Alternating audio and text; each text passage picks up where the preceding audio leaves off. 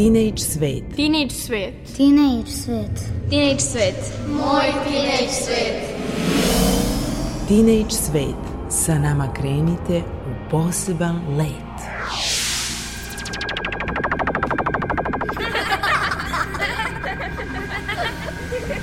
Kreativan deči svet.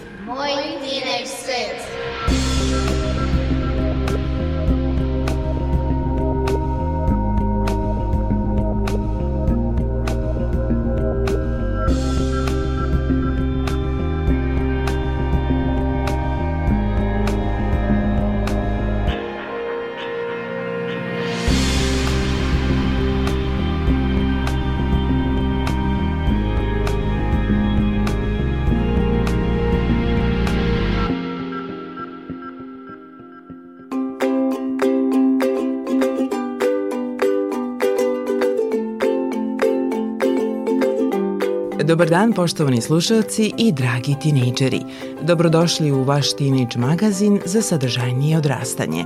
Ja sam Mirjana Petrušić i bit ću vaš vodič kroz emisiju Teenage svet, u kojoj vas očekuju naše stalne rubrike Teenage talenti, priče za maštanje, ITT i sferom kroz jezik, a tu i mnogo dobre muzike.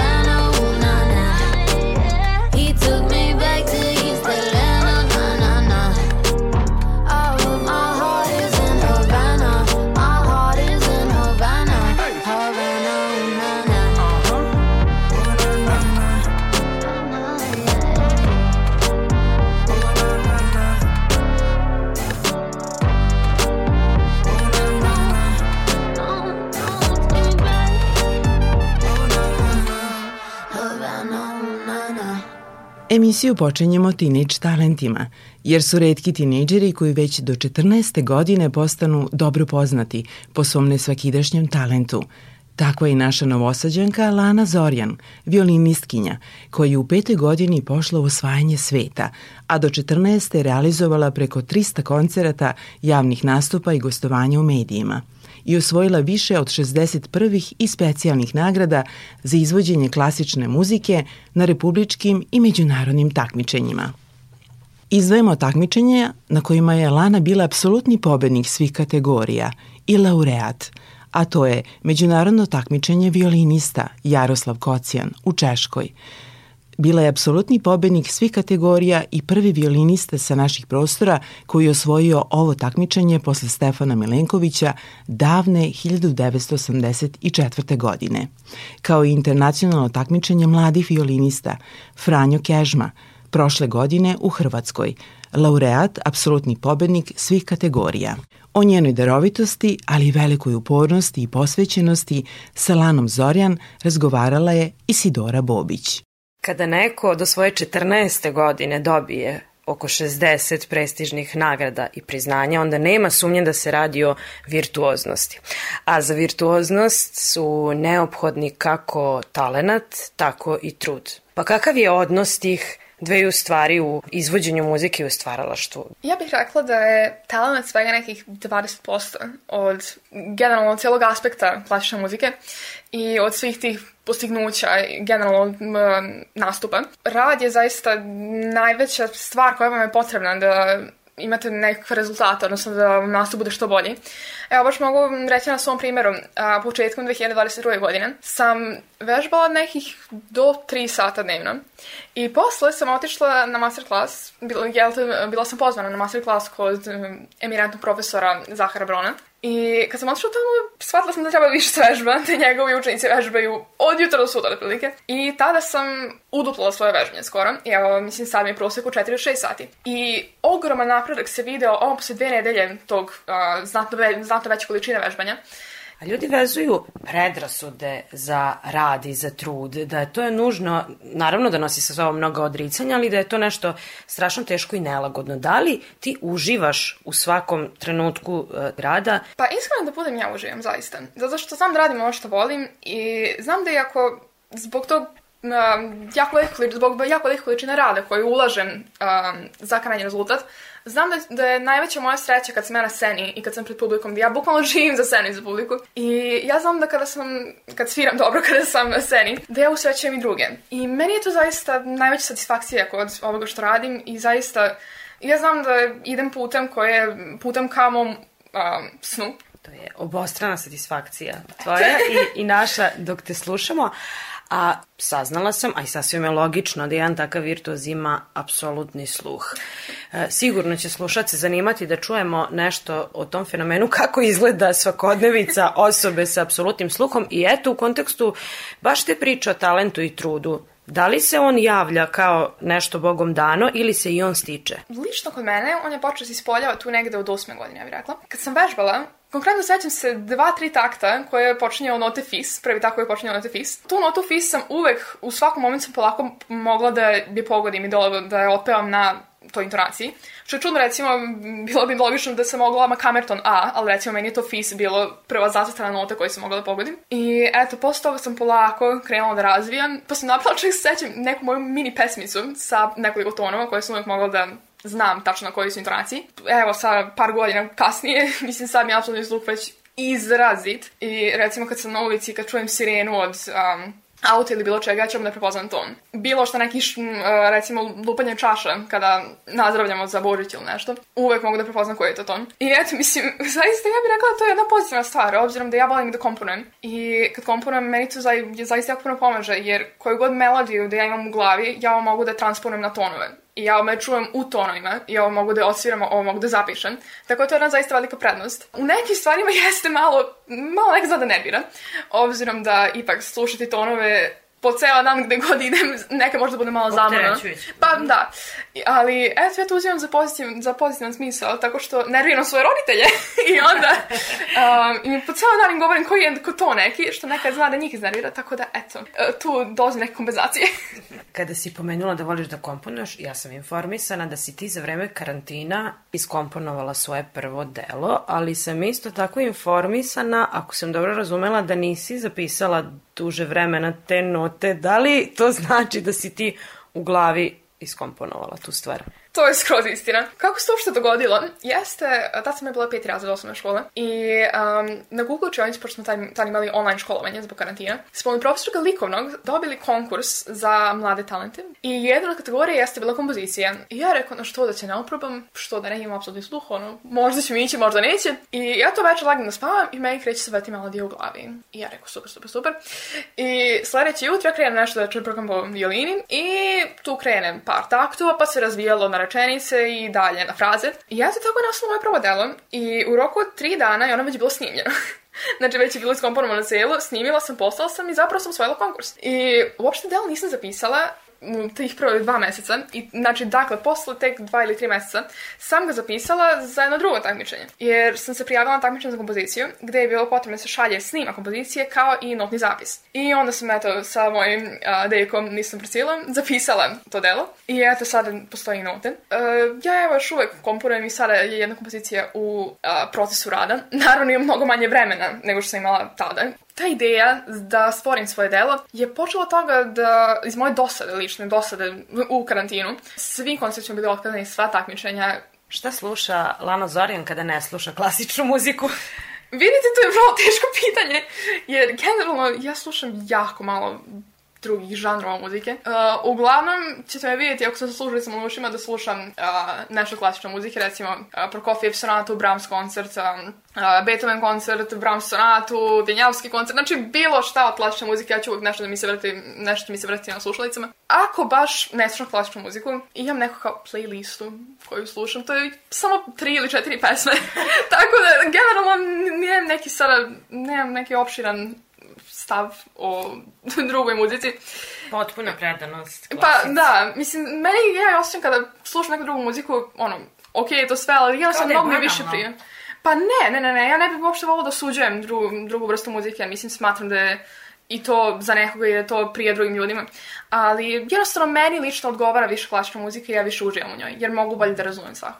A kakav si utisak stekla do sada o odnosu društva tvoje sredine, da li drugara u školi, da li generalno, da li ovog našeg društva u Srbiji ili šire, prema takvoj posvećenosti? Da li imaš utisak da te društvo zaista razume kao biće? Ja sebe u društvu inače ne volim da stavljam kao nekoga ko je a, specijalan posve, ja volim uvijek da se prilagodim svom društvu. No, zapravo većina mojih drugara i prijatelja ne razumeju način mog života jednostavno stil mog života kako je razmišljam koji su moji prioriteti. Uh, recimo, meni je uvijek prioritet da odem da vežem, da sam mirna, da sam ovežbala svo svoje, da sam ovežbala cijelu satnicu koja mi je potrebna za taj dan, da sam se spremila, da sam se odmorila za sledeći dan, za sledeći nastup. Tako da neki razumeju, neki ne razumeju i to je u potpunosti u redu. ja to smatram za jednu skroz normalnu stvar. Nemam nešto pretrano puno drugara, nemam neki sada uh, socijalni život za kojim se može zavidjeti. Meni to ni ne neki problem, jer ja znam da ja ono što radim, radim iz ljubavi i radim ono što zaista volim. Tako Možeš da... kažeš da zapravo živiš po svojoj meri. Pa, to je istina. I mislim, družim se s drugarima ko- koji mi odgovaraju na neki način, kojima ja prijam i koji prijaju meni. Pitala sam te šta sluša Lana Zorjan kada ne sluša klasiku, a šta radi Lana Zorjan kada ne svira violinu, bez čega ne može da zamisli dan, noć i život. Definitivno bez porodice. Mislim, moja mama je naročito tu uvek za mene vežba sa mnom, menadžeriše mi sve nastupe, uvek razgovara sa a, menadžerima iz drugih krajeva sveta koji mi zakazuju nastupe, tako da mislim, ja, ja sam njoj beskreno zahvalna za sve što radi za mene. Naravno, bez a, mojih mačaka, ja imam tri mačke. A, I jedna od njih je Lijana koju sam i vodila na to svetsko takmičenje koje sam osvojila, Jaroslav Kocijan. S njom sam stalno i ona mi je zaista jako veliki jako velika pomoć što se tiče mentalnog zdravlja na neki način. Obzirom da jeste ovo što radim, jeste zamorno i nekad zna zaista mentalno da bude zamorno. Mogu da zamislim dan bez telefona, ali mislim da bi bilo malo teže, jer... Šta najčešće radi Lana Zorjan na telefonu? Pa, uglavnom sam na društvenim mrežama. Mislim, naročito tu bi rekla Instagram, jer se preko Instagrama dopisujem sa drugarima širom sveta. Koristim telefon najviše iz poslovnih na neki način svrha i zbog toga se družim. Uh, volim i da kuvam, da pravim razne rukotvorine, da heklam, slikam, da radim jogu, da plešem, uh, da čuvam svoju sestru, imam mlađu sestru. I generalno radim jako puno stvari koje su normalne i za moje vršnjake, koje, koje drugi misle da ja ne radim, drugi misle uglavnom da ja vežem od jutra do sutra i ne radim ništa drugo. Ali zapravo ja radim dosta hobije, ja imam dosta hobija koje, u kojima uživam iskreno. Mislim da bez toga ni ne bi mogla tako dobro da sviram i ne bi mogla da postižem takve rezultate jer ne bi imala tu neku vrstu relaksacije Ventila. i ventila. Mi ti želimo da osvojiš sve vrhove o kojima sanjaš. Želimo ti da stekneš još mnoga priznanja i mnoge nagrade, ali pre svega da nastaviš da uživaš u svom životu i u svakom trenutku svog izvođenja muzike i svog komponovanja. Hvala ti što si govorila za Radio Novi Sad. Hvala vam puno što ste me pozvali i na ovako divnom intervju.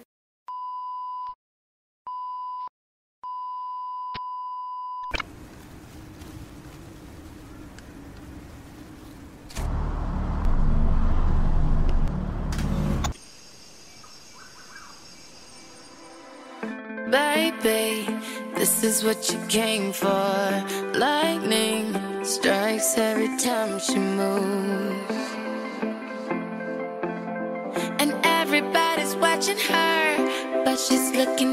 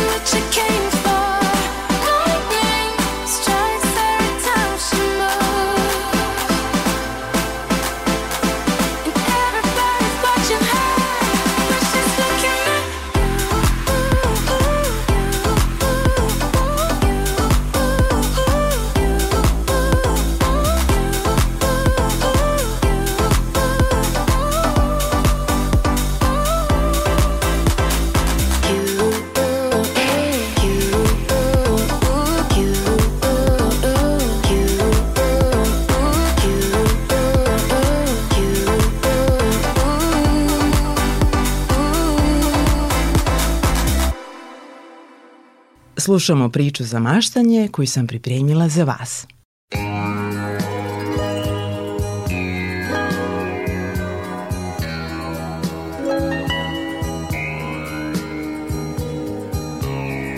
U redu, sine, vreme je da krenemo. Tako brzo. Ali imao sam puno planova. Stvarno mi je žao, ali vreme je da krenemo. Šta imaš u tom koferu? Ono što ti pripada. Misliš moje stvari, odeću, novac? Te stvari nikada nisu bile tvoje. One pripadaju zemlji. Da li su to moja sećanja? Ne, ona pripadaju vremenu. Da li su to moji talenti? Ne, oni pripadaju okolnostima. Jesu li to moja porodica i prijatelji? Da li mi oni pripadaju? Ne, sine, oni pripadaju putu kojim si išao. Jesu li to moja žena i deca? Ne, oni pripadaju tvom srcu. Onda to mora biti moje telo. Ne, ono pripada prašini. Onda to sigurno mora biti moja duša.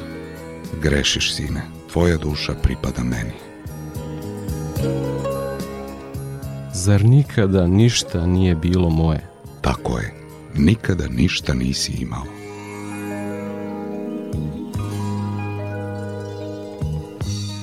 Šta je onda bilo moje? Tvoji trenuci, svaki trenutak koji si živeo bio je tvoj. Život je, drago moje dete, samo trenutak u večnosti, a večnost zaslužuješ ljubavlju.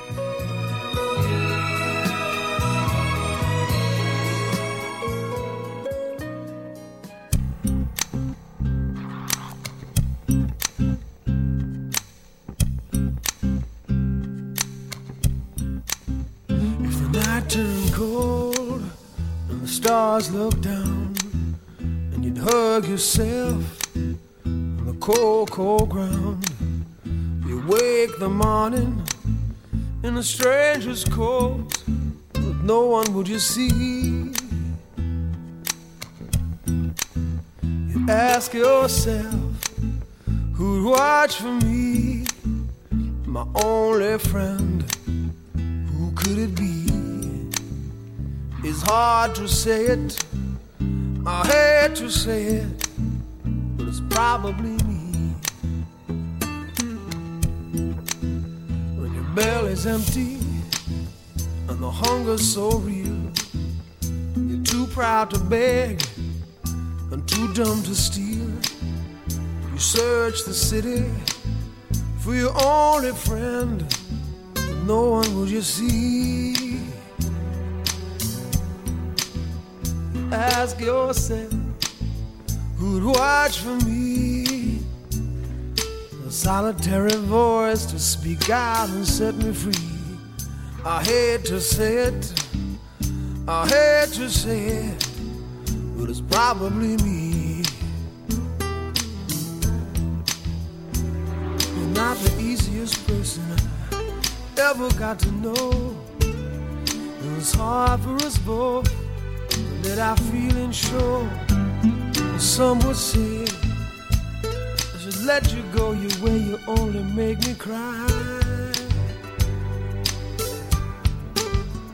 But if there's one guy, just one guy, who laid down his life for you and I.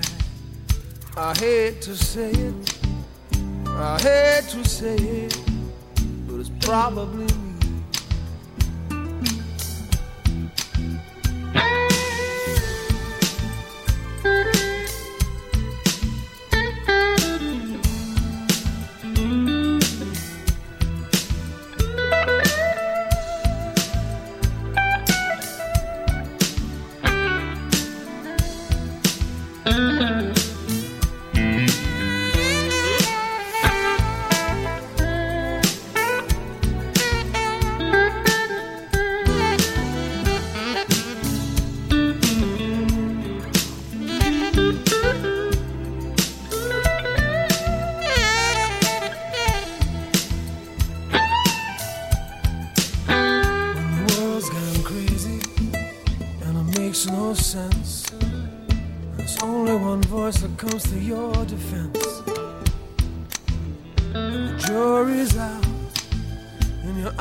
search the room, one friendly face is all you need to see. And if there's one guy, just one guy, who laid down his life for you and I, I hate to say it, I hate to say it, but it's probably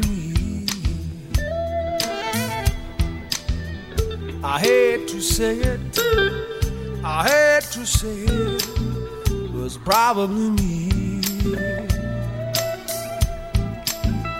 I hate to say it, I hate to say it, but it's probably me. I hate to say it, I hate to say it, but it's probably me. To say it, I hate to say it, but it's probably me. I hate to say it, I hate to say it, it's probably me. I hate to say it, I hate to say it, it's probably me.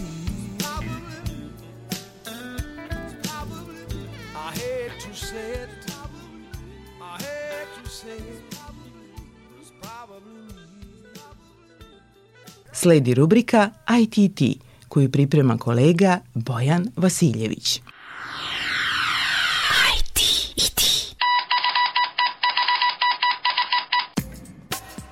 Ko je izumeo kablovsku televiziju?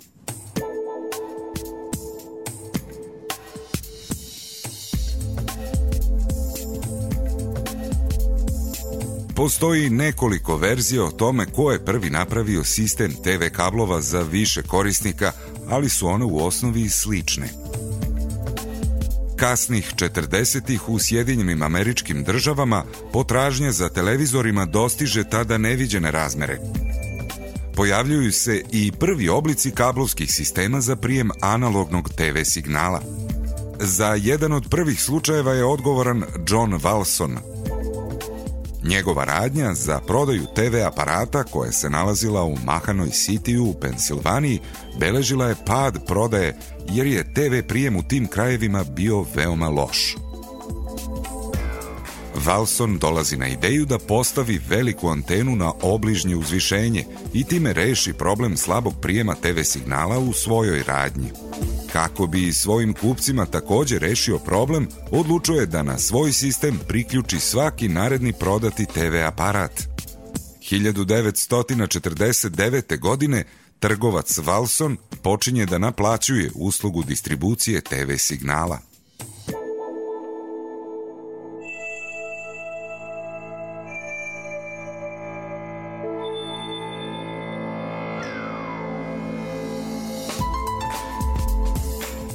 Evo i oficijalne verzije. Ed Parsons, inženjer i vlasnik radio stanice, sa svojom suprugom posetio je konvenciju emitera u Čikagu 1947. godine, gde je prvi put video televiziju. Godinu dana kasnije TV stanica iz Sijetla počinje da radi i Ed, rodom iz Astorije, nekih 250 km udaljene od Sjetla, dogovara sa tom stanicom način da uhvati njihov signal u svom rodnom gradu. Utvrđeno je da bi mogao da dobije signal uz pomoć dovoljno velike antene. Takvu antenu morao bi da postavi na specifičnu lokaciju, što je Parsons na kraju i uspeo, tako što je veliku antenu postavio na krov hotela Astoria, a odatle razvukao kabel do suprotne strane ulice i svog stana. Po gradu se govorkalo o Edovom kablu i anteni, pa su i drugi poželeli da dobiju TV signal. Ed je pomogao i drugima da se priključe na njegov sistem i zato im naplatio rad i materijal, doduše bez kasnije mesečne naknade. 20 godina kasnije, 1968. Ed Parsons je i zvanično priznat kao otac kablovske televizije.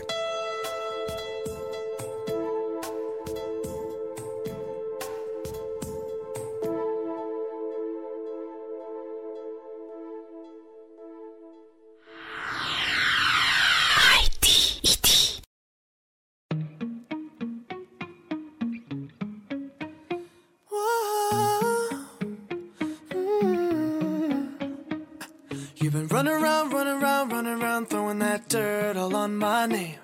Cause you knew that I knew that I knew that I'd call you up. You've been going around, going around, going around every party in LA. Cause you knew that I knew that I knew that I'd be at one. Oh, I know that dress is karma, perfume regret. You got me thinking about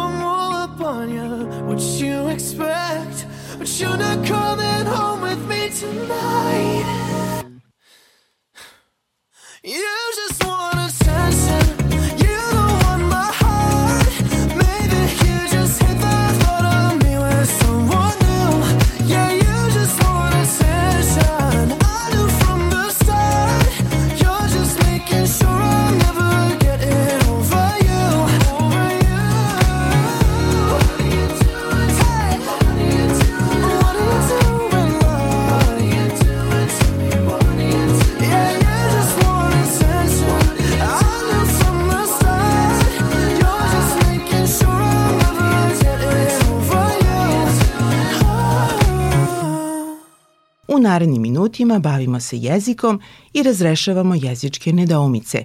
A u tome nam pomaže lektorka Vera Maletić sa članovima naše dečije radiogrupe. Čujem da muku mučite s glagolom trebati. Jeste, Vera. Nikad ne znam kada može, na primer, ja trebam ili ti trebaš, a kada ne može. Nekada je samo dozvoljeno. Treba da radim, treba ti da ideš. Meni je nastavnica podvukla kao nepravilnu ovu rečenicu. Niste trebali dolaziti. I upravo je bila nastavnica. Taj glagol je, da se izrazim jasno i popularno, malo čudan i drugačiji od drugih koje upotrebljavamo. Hajde da vidimo šta pod odrednicom trebati piše u našem pravopisu. U značenju valjati uzima se bezlično. Treba da odu, trebalo bi da odemo, a u značenju biti potreban upotrebljava se u svim licima u oba broja. Trebaš mu, trebaju nam. Kada se kaže bezlično, misli se na to da glagol upotrebljavate u trećem licu jednine, u srednjem rodu, tamo gde vam je potreban rod, kao u perfektu ili, što vi volite da kažete, u prošlom vremenu. Evo, na primer, zamisli da seva. Kako ćeš reći u sadašnjem vremenu? Sad seva. A kako u prošlom vremenu? Juče je sevala. Bezlično, dakle znači nemate lice koje vrši tu radnju. Kada je lično, onda kažete ja sevam očima na njega, ali za ovu prirodnu pojavu upotrebljavate samo bezličan glagol. E sad to isto primeni na glagol trebati. Samo mu dodaj nešto što baš treba da se uradi. Eto, savjetuj, na primer, nekome da više uči. Treba više da učiš. Sad to kaži u prošlom vremenu. Trebalo je više da učiš. Tako je. Nećeš reći trebala si više da učiš ili trebao si više da učiš, jer je to nepravilno. Sad recimo savjetuj nekoga da ode i posluša neki koncert. Treba da odeš na koncert večeras u 8. I kako još drugačije to možeš reći? Trebalo bi da poslušaš večerašnji koncert. Eto, ne kaže se trebaš da ideš na koncert, nego treba da ideš na koncert ili trebalo bi da ideš na koncert. Ali, ako sam tebi potrebna, šta ćeš onda kazati? Vera, trebaš mi.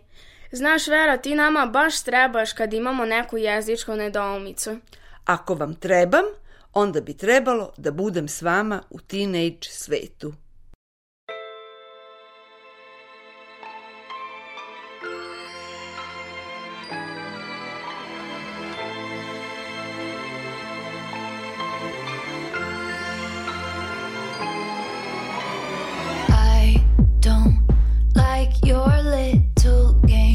Don't like your tilted stage. The role you made me play of the fool. No, I don't like you. I don't like your perfect crime.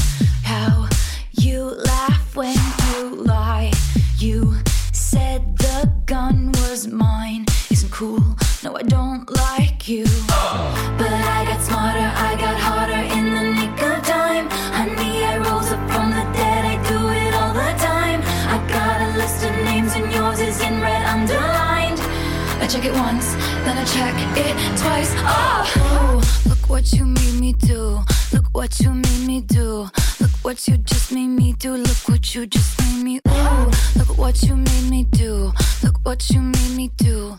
Look what you just made me do. Look what you just made me do. I don't like your kingdom keys. They once belonged to me. You asked me for a place to sleep, locked me out, then threw a feast. The world moves on another day, another drama, drama. But not for me, not for me. All I think about is karma. And then the world moves on, but one thing's for sure. Maybe I got mine, but you'll all get yours. But I got smarter, I got harder in the nick of time. I rose the dead, I do it all the. I got a list of names and yours is in red underlined. I check it once, then I check it twice. Oh, look what you made me do. Look what you made me do. Look what you just made me do. Look what you just made me do. Look what you made me do. Look what you made me do. Look what you just made me do. Look what you just made me do. I don't trust nobody and nobody trusts me. I'll be the actress starring in your bad dreams. I don't trust nobody and nobody trusts me. I'll be the actress starring in your bad dreams. Oh, trust nobody and nobody trusts me. Oh, I'll be the actress starring in your bad dreams. I don't trust nobody and nobody trusts me. I'll be the actress starring in your bad dreams.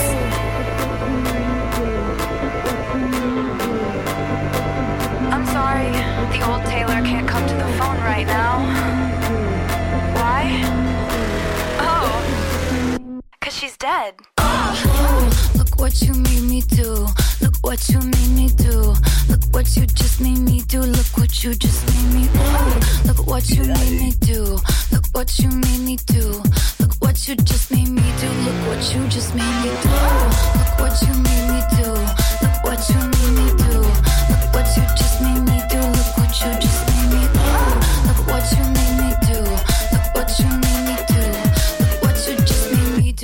What you just made me do.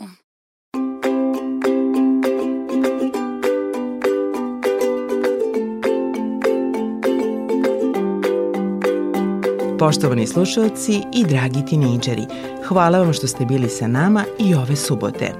U emisiji su učestvovali violinistkinja Lana Zorjan, novinari Isidora Bobić i Bojan Vasiljević, lektorka Vera Maletić. Emisiju su realizovali muzički urednik Maja Tomas, ton majstor Marica Jung i autorka i voditeljka emisije Mirjana Petrušić koji vam želi nasmejan dan i prijatan vikend pred nama. Svako dobro i do slušanja.